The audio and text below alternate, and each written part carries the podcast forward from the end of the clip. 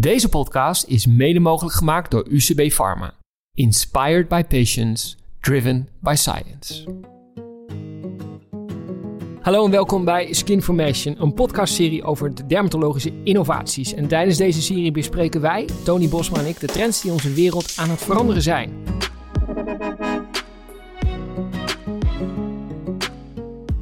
Het is zo mooi om ook aandacht te hebben voor meer dan alleen die huid. En echt de huidziekte en die patiënt die eraan vastzit. Komen de psychische klachten door de huidziekte? Of komen de huidklachten door de psychische ziekte? Of is het echt een wisselwerking daartussen? Als dermatoloog dat wij een belangrijke rol hebben om niet alleen medicijnen voor te schrijven, maar ook om de patiënt te coachen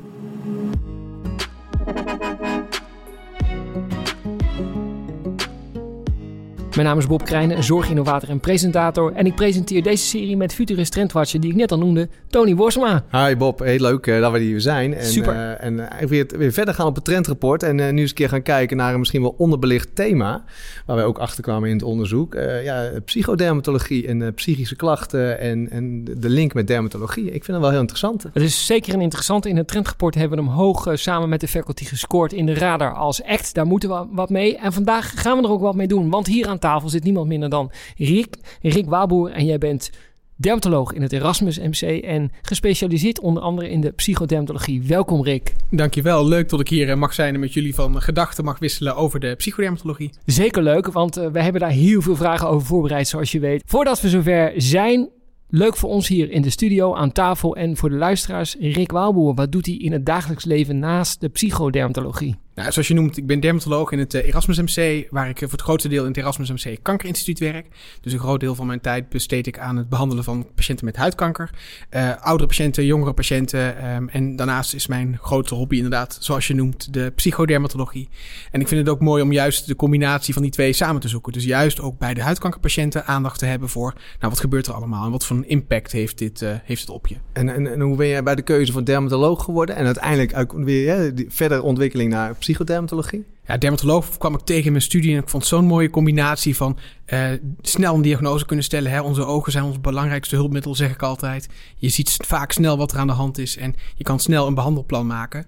En het leuke is van dermatoloog zijn dat je die behandeling dan ook zelf uitvoert en die patiënt ook weer terugziet en weer opvolgt. Dus je bent gewoon de behandelaar voor die patiënt. Dus het is van begin tot eind, van jong tot oud behandel je je patiënten. Dat vind ik echt super mooi aan, aan mijn vak. Oké, okay, en uiteindelijk ook psychodermatologie dan ook? Ja, dat is iets, daar ben ik door Patrick Kemperman in terecht gekomen. Hè. Die hebben jullie eerder hier uh, gesproken aan deze ja, tafel. Zeker. Ja. En uh, hij was uh, in opleiding tot dermatoloog in Rotterdam. En in zijn laatste jaar begon ik met mijn opleiding. En hij had iemand nodig om zijn pas gestarte psychodermatologie poli over te nemen.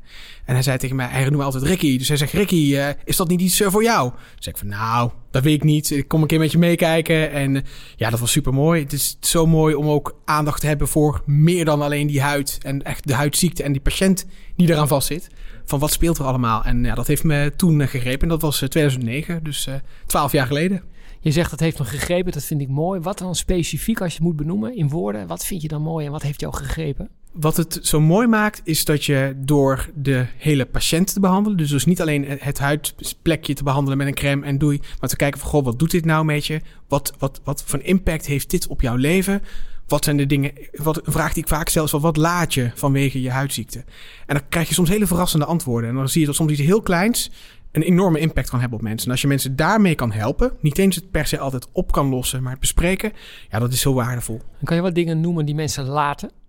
En nou ja, de huid zie je. Dus wat heel veel mensen laten, vooral mensen met chronische huidziektes zoals psoriasis of eczeem, niet naar het zwembad durven. En niet in de zwemkleding zich te vertonen. Uh, bepaalde lichaamsdelen gewoon altijd bedekken. Mensen die zeggen van ja, ik doe geen korte mouwen aan. Ook al is het, vallen de mussen van het dak bij 38 graden. Ik hou altijd lange mouwen aan. Nou ja, dat super mooi als je dan toch voor elkaar kan krijgen dat mensen dat wel gaan proberen. Om toch naar buiten te gaan met korte mouwen. Om die drempel weg te halen.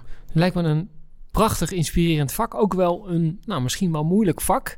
om de hele dag of een groot gedeelte van je dagen met deze mensen te praten? Wat doe je zelf om te ontspannen en een beetje energie kwijt te raken? Nou, allerlei dingen. Ik hou van lekker koken. Ik hou van lekker bakken. Ik uh, ben niet heel lang uh, geleden gestart met uh, wijn wat beter te gaan proeven in plaats van gewoon te drinken.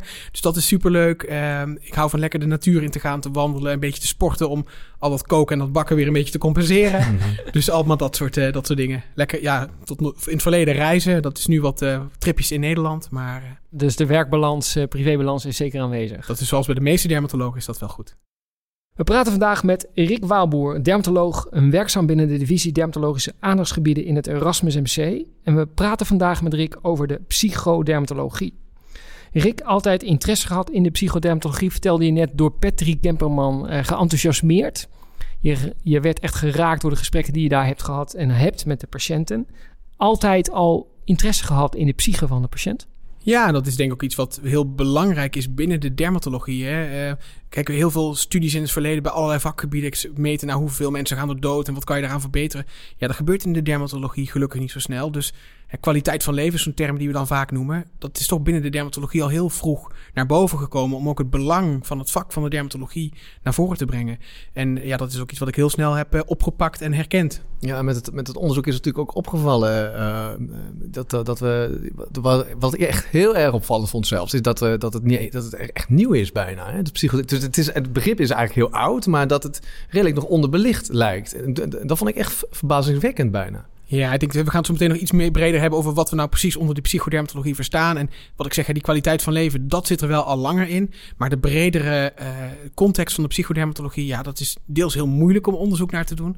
Maar ja, het, is ook, het gebeurt maar heel mondjesmaat, uh, helaas. Maar is dat puur het ontbreken van, van, de, van de, de tastbaarheid, de wetenschappelijke onderbouwing? Of, of, Weet ik eigenlijk niet zo goed of het daar aan ligt. Het, het is een deels een, een, een doelgroep waarin het moeilijker is om wetenschappelijk onderzoek in te doen. Hè. Als je het dan vertaalt naar bijvoorbeeld de psychiatrie, daar zie je ook dat het dat je hele andere onderzoeksopzetten moet hebben dan dat je dat in de, in de uh, somatische zorg uh, hebt. Um, ik denk als je kijkt wat voor onderzoeken er mogelijk zijn, dan moet je dat, dat samenbrengen. En ik denk dat we daar nog niet zo heel erg goed in zijn. Ja, want ik las ook dat in dat, dat budgetten, als je kijkt naar budgetten, nou gewoon naar, naar de ontwikkeling van medicijnen, dat, dat zit goed, maar hè, dat, daar is voldoende budgetten voor. Maar dat het echt budgetten vragen voor onderzoek naar, naar meer psychische klachten, dat soort zaken, dat dat veel moeilijker is. In deze, en terwijl als je naar de samenleving kijkt, dat nog steeds een grote probleem aan het worden is. Ja, het simpele antwoord daarop is dat je daar niet zoveel geld mee kan verdienen. Hè? Ja. En met, met nieuwe medicijnen wel. Dus uh, ik denk dat dat toch een hele belangrijke bron daarvoor is. Laten we eens kijken naar de definitie dan van psychodermatologie. Toenemende aandacht voor de relatie tussen huidziekte, psychologie en sociale factoren. Ben je het daarmee eens of heb je nog een bredere definitie?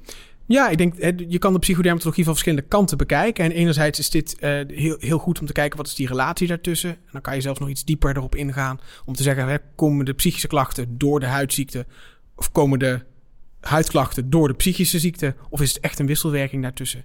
En dat is ook wel wat wij zien op onze spreekuur, dat ja, daar allerlei varianten tussen uh, bestaan. Varianten tussen de oorzaak van de klachten of de psychische achterliggende Ja, hè, dus dat het echt bijvoorbeeld is, iemand heeft eczeem en het feit dat die persoon continu daar jeuk aan heeft en doorkrapt en daardoor slecht slaapt, een slechter humeur ontwikkelt in eerste instantie, wat zich verder kan ontwikkelen tot een depressie bijvoorbeeld. Hè, of anderzijds als iemand een stoornis heeft in het gedrag met betrekking tot krabben, tot ze gewoon aan hun huid zitten te pulken en te plukken en daardoor huidafwijkingen krijgen. Ja, dat is natuurlijk weer precies andersom eigenlijk. Dus dan volgt de huidziekte op de psychische klacht. Ja, en ik haak even in op wat Tony net zei. Tijdens de faculty meeting hadden we geanimeerde gesprekken met de collega-dermatologen... waarvan de mening nog wel eens verschilde of psychodermatologie echt op die ACT-fase moest in de trendradar. En uh, sommigen wel, sommigen niet, sommigen wisten het nog niet. Jij denkt, zegt, ja, dat moet. Absoluut. Nu hoor ik jou zeggen dat je als dermatoloog dan moet kijken van... goh, wat is de eerste, de klacht of de psychische klacht of andersom... Zien dermatologen dat dan minder of zijn ze er minder alert op? Of hoe moet ik dat zien? Nou, ik denk dat dermatologen het over het algemeen wel zien. Ik denk dat ze daar echt wel goed in zijn om het ook te herkennen. Wat het moeilijker maakt is om er de tijd voor te vinden en ook voldoende vertrouwen in te hebben om dit goed ter sprake te brengen bij de patiënt. En om daar dan ook een vervolg aan te geven. Van ja, je kan wel zeggen van goh, ik zie dat, die, hè, dat eczeem heel veel invloed op uw leven heeft. En zegt die patiënt ja, inderdaad. Ja, en dan?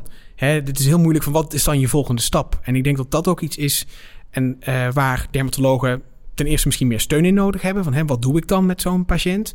Uh, en anderzijds misschien ook meer in getraind moeten worden om zelf dingen meer op te pakken. Het is echt iets van vaardigheden misschien? Of? Ja, voor een deel wel. En ja, daarmee ook tijd. Hè. Dermatologische consulten zijn van oudsher uh, heel kort, kort en snel. Dat is gelukkig wel aan het, uh, aan het veranderen. Er komt meer tijd beschikbaar per patiënt in een consult. Ja, in de ouderwetse tijd hadden ze soms maar vijf minuten per patiënt. Ja, als je dan ook nog moet gaan vragen hoe gaat het met je en wat gaan we daaraan doen? Ja, dan red je gewoon niet.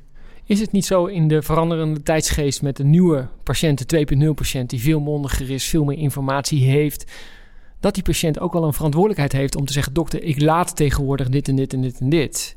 Of past die patiënt zich zo aan en noemt hij dat nog ineens meer in het spreken omdat hij denkt er is toch niets aan te doen? Nou, in een ideale wereld zou dat natuurlijk fantastisch zijn als de patiënt zegt van goh, maar ik wil graag hier ook met je over hebben als arts. En er zijn natuurlijk steeds meer initiatieven hè, die de patiënt helpen zich voor te bereiden op het consult. Om te kijken van hey, hoe kan ik nou het beste dat consult ingaan? Wat wil ik echt bespreken? Um, anderzijds merken we ook dat er toch nog wel steeds een drempel bestaat. De patiënt denkt ook van oh ja, maar de dokter heeft de druk en heb ik hier nog wel tijd voor? En soms heb je ook nog ja, wat wij dan een beetje het Bali-fenomeen noemen. Dat de patiënt bij de verpleegkundige aan de balie staat om de afspraak te maken.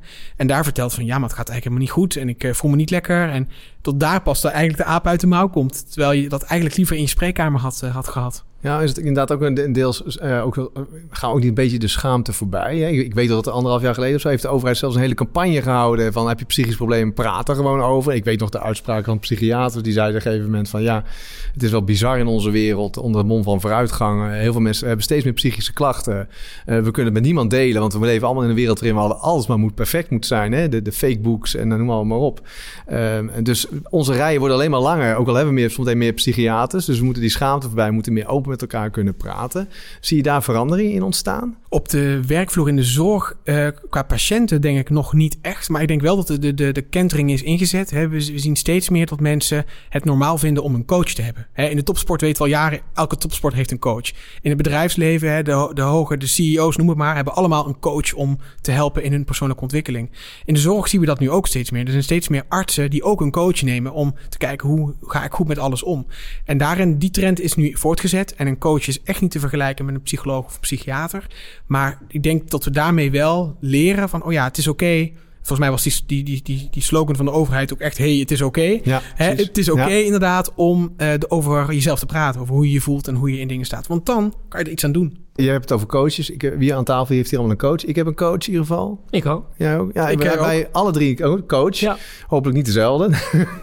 Nee, maar het is, ik heb, en het heeft mij echt heel veel, het heel veel echt eye-openers. Ik denk van, het hele basale vragen zijn. Ik weet nog heel goed dat ik tegen mijn coach zei, het is eigenlijk bizar, we moeten allemaal ons rijbewijs halen.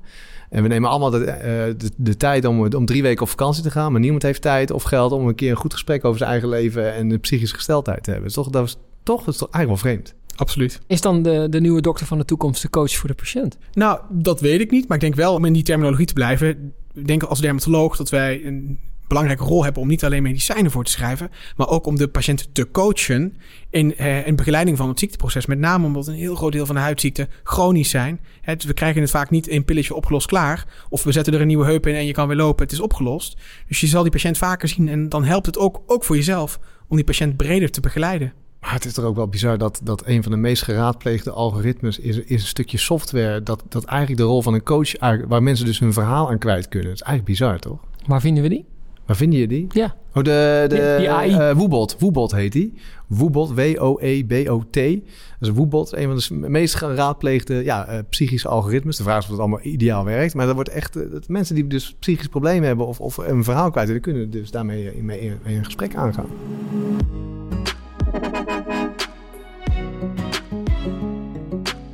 We praten vandaag met Rick Waboer, dermatoloog en werkzaam binnen diverse dermatologische aandachtsgebieden in het Erasmus MC. En in blok 1 spraken we over de definitie van de psychodermatologie, de positie op de trendradar en het feit dat het niet een nieuw fenomeen is in het vak, maar dat het toch regelmatig niet herkend wordt als zodanig. In het tweede blok spreken we verder over de dagelijkse praktijk. Welke patiënten gaat het eigenlijk om en hoe diagnosticeert en behandel je deze mensen? Rick, om eens een duidelijk beeld te krijgen van deze patiënten. Ik las op jullie website van de Nederlandse Vereniging van Psychodermatologie een duidelijk drie typen patiënten. Kan jij die eens uh, omschrijven voor ons? Ja, zeker. Ik denk dat het mooi is van de, van de website inderdaad van de NVPD. Dat we daar een mooie definitie hebben. En daar zeggen we eigenlijk, er zijn drie patiëntengroepen die we onder de categorie psychodermatologie noemen. Eh, De eerste groep, dat zijn de patiënten die zich melden bij de dermatoloog, maar eigenlijk een primair psychiatrisch probleem hebben. Dus dan kan je bijvoorbeeld eh, denken aan mensen die een parasietenwaan hebben. Dus die denken dat ze eh, parasieten in hun huid hebben en daardoor zo aan hun huid zitten te manipuleren dat ze bij een dermatoloog terechtkomen. De tweede groep zijn de patiënten die ten gevolge van meestal de chronische huidziekte psychische klachten ontwikkelen. Dus dan kan je bijvoorbeeld denken aan depressie of mensen die angststoornissen ontwikkelen. Of ook inderdaad gewoon het moeilijk vinden om te accepteren dat ze een chronische huidziekte hebben.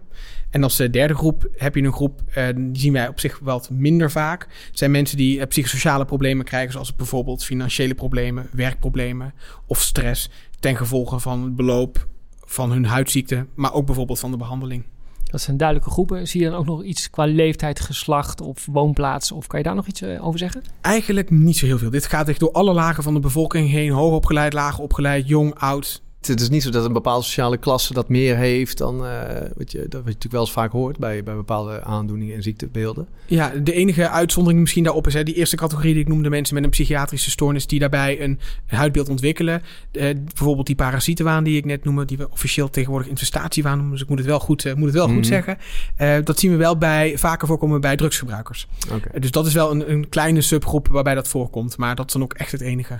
Nu kan ik me voorstellen als dermatoloog dat het niet altijd even makkelijk is om dat onderscheid te maken in die patiënt die voor jou zit, in die 5 à 10 minuten die je net al schetste die je hebt. Welke tools heb je daarvoor als dermatoloog? Nou, ik denk het belangrijkste tool is wat je hebt, dat is eh, je onderbuiksgevoel. En zodat je ziet van, hé, hey, er speelt meer patiënten die niet helemaal akkoord gaan... of die het niet helemaal eens zijn met het beleid... of die een beetje blijven dralen in je consult. Dat je denkt van, goh, wat, wat is hier nou aan de hand? Of die om de haverklap terugkomt. Waarbij je denkt van, goh, ik krijg er geen hoogte van... waarom deze behandeling niet werkt zoals die eigenlijk hoort te werken. Nou, dat is natuurlijk een, een, soort van clue wat je hebt om meteen door te pakken. Ehm, belangrijk om het ook gewoon na te vragen aan patiënten. Van, hè, de, ondanks waar we het net over hadden, is er toch vaak nog een beetje een, een schaamte om te benoemen dat er psychische problemen zijn.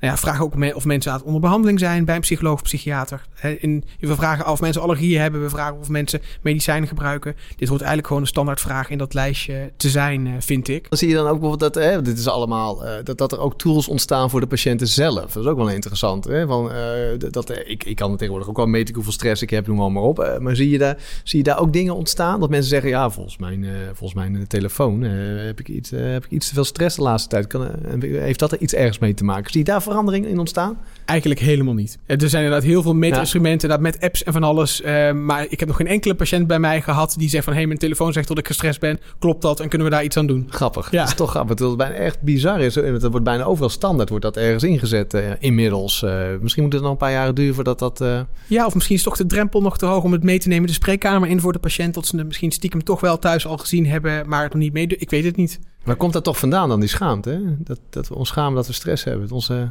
Ja, we, we benoemen het heel vaak. Hè. We zeggen heel vaak van goh, verschillende huidziekten worden niet veroorzaakt door stress, maar stress verergert het wel. En dat is vaak een bruggetje te zeggen van goh, speelt er veel stress bij u op dit moment? Er zijn er zaken waar we samen naar kunnen kijken, iets waar wij iets aan kunnen doen. En dat is, eh, ja, kan, kan een bruggetje zijn of een opening voor de patiënt om dit wel te bespreken. En dat eh, Is het cultuur? vast. Ja, ik denk dat, dat we absoluut als Nederlanders daar eh, nog te veel meer met onze eigen hachie bezig zijn om dit zomaar op tafel te gooien. Is psychodermatologie in andere landen verder gevorderd?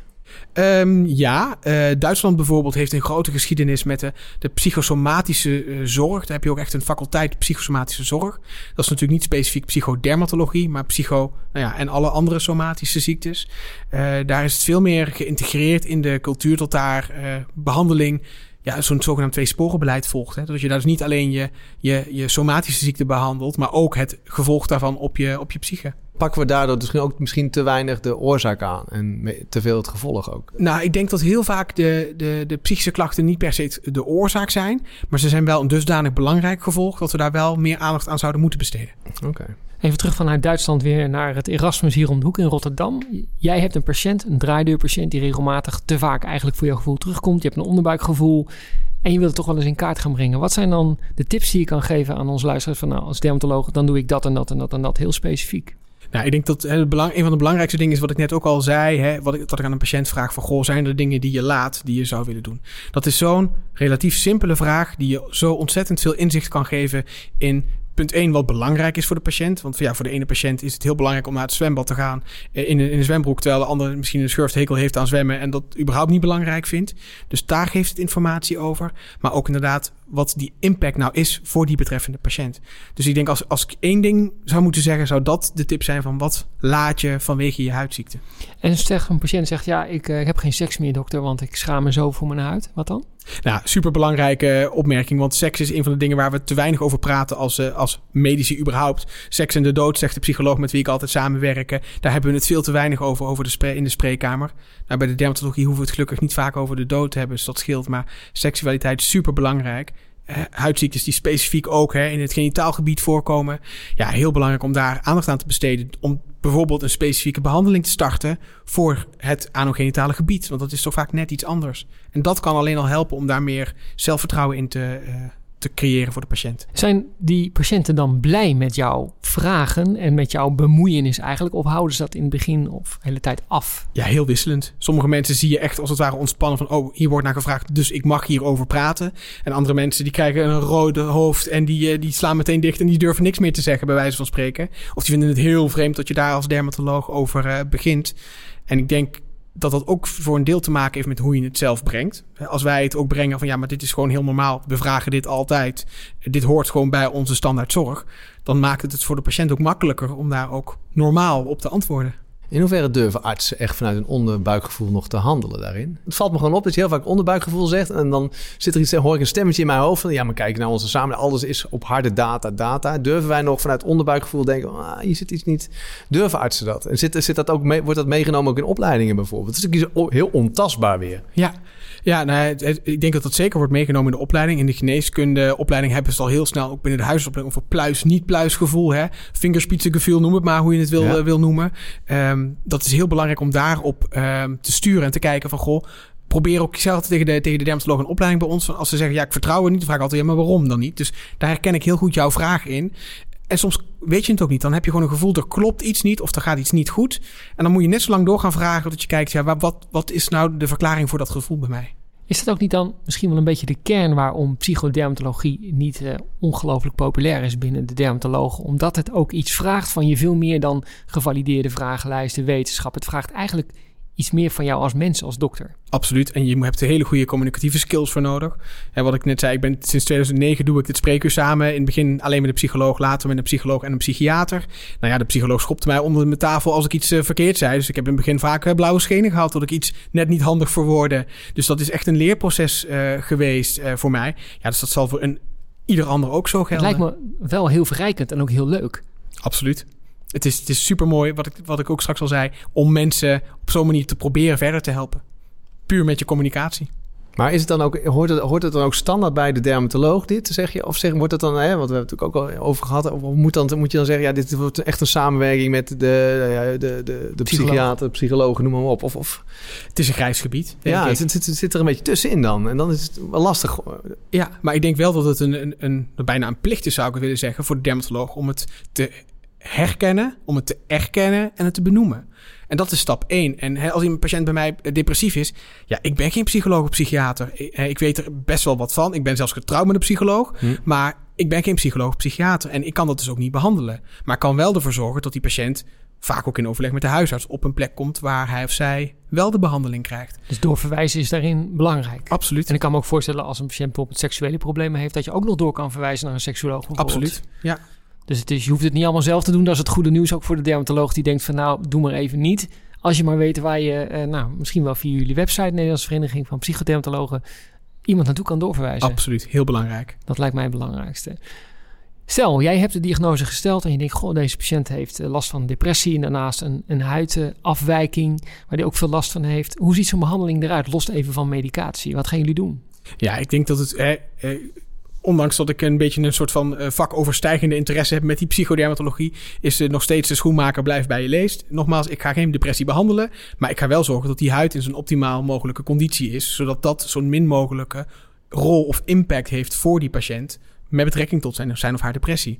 En dan is die aanvullende behandeling heel belangrijk. Dus ja, we noemen dat dan een twee sporenbeleid. Dus liefst wil je dat alle twee tegelijk uh, inzetten. Wat kies je? Hoe bedoel je? Nou moet je kiezen voor bijvoorbeeld, nou, we gaan eerst met medicatie beginnen en dan pas een psychologische eh, begeleiding traject. Of doe je het samen? Of, want je wil weten wat effect heeft of niet. Ja, precies. Kijk, nou, door de huidige GGZ-wereld is, uh, zijn er nog aardig wat wachtlijsten. Dus tegen de tijd dat mensen aan de beurt zijn bij de psycholoog, psychiater, uh, ben ik vaak al lang en breed begonnen met mijn medicamenteuze behandeling.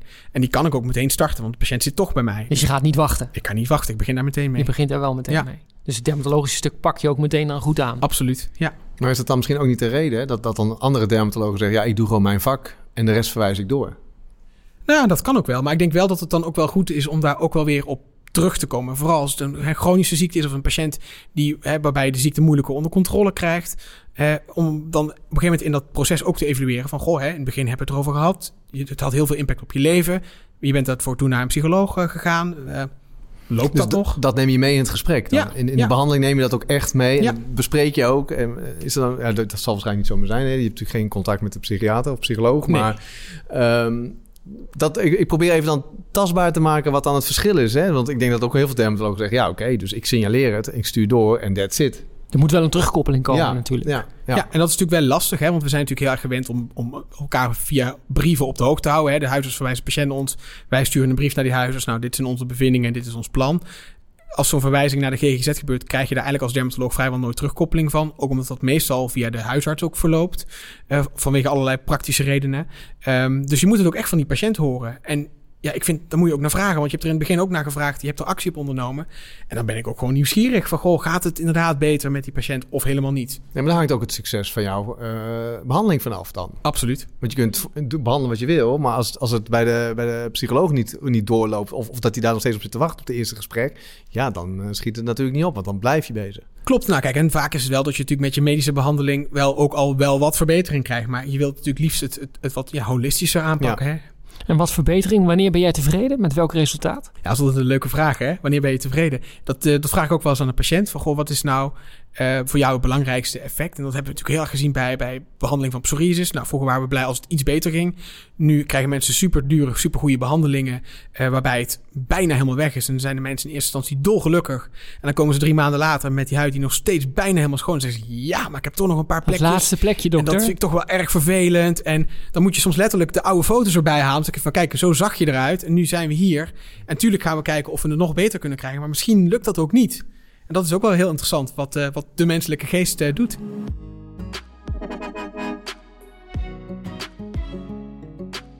Tony en ik praten vandaag met Rick Waalboer, dermatoloog werkzaam binnen diverse dermatologische aandachtsgebieden in het Erasmus MC. In het hoofdstuk Psychodermatologie uit het trendrapport noemen we de dermatoloog een influencer rondom mentale gezondheid. Rick, er spelen een aantal kernvragen rondom de relatie tussen psychodermatologie en de dermatologie richting de toekomst. De eerste kernvraag is in hoeverre is de impact van psychodermatologie meetbaar als behandelmethode? Wat is jouw mening daarover?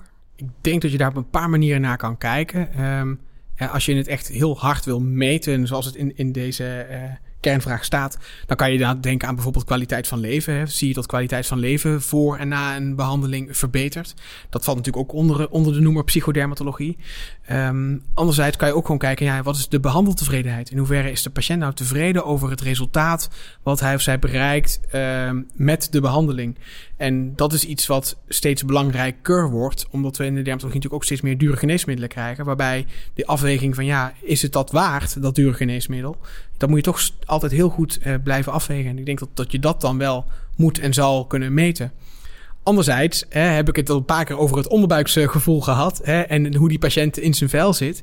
Ja, dat kan je toch wel moeilijk echt met harde data meten. Dus dat gaat er veel meer om van wat merk je in die spreekkamer.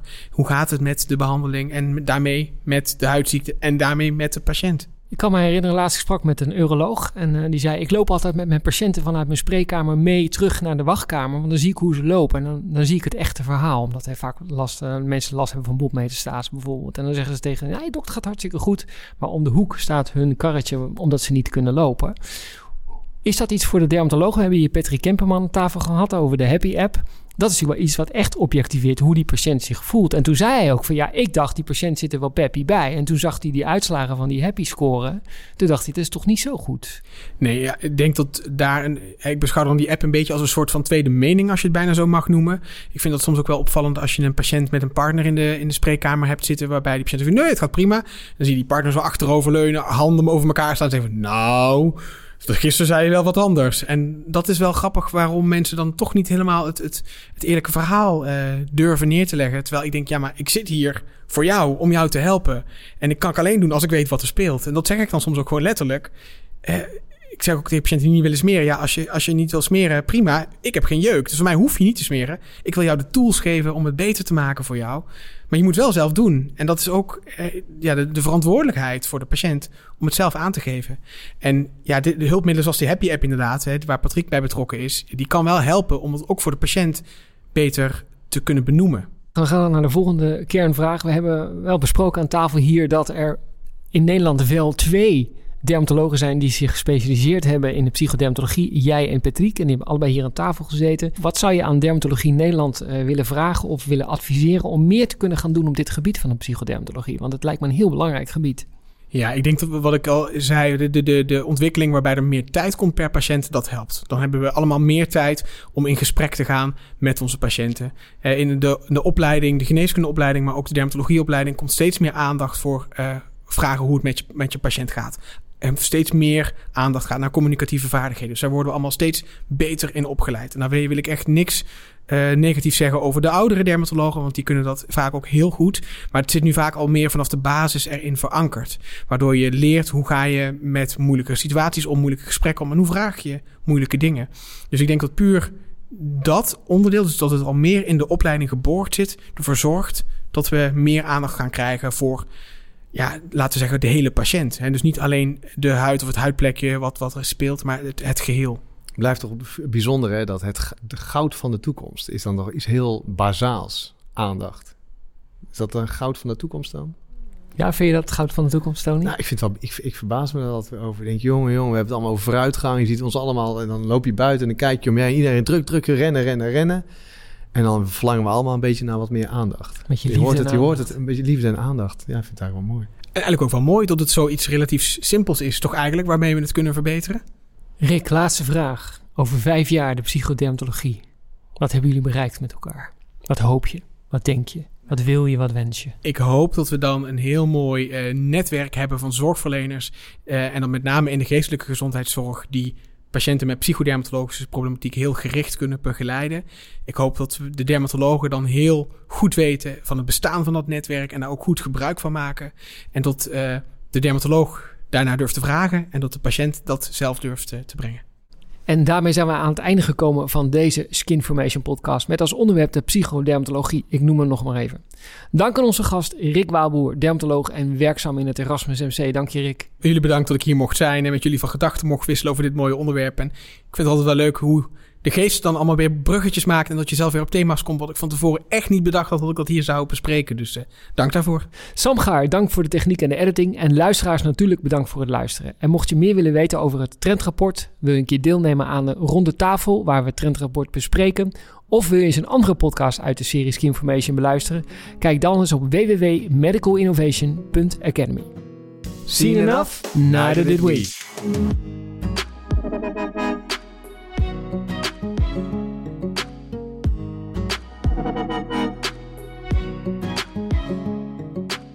Deze podcast is mede mogelijk gemaakt door UCB Pharma. Inspired by patients, driven by science.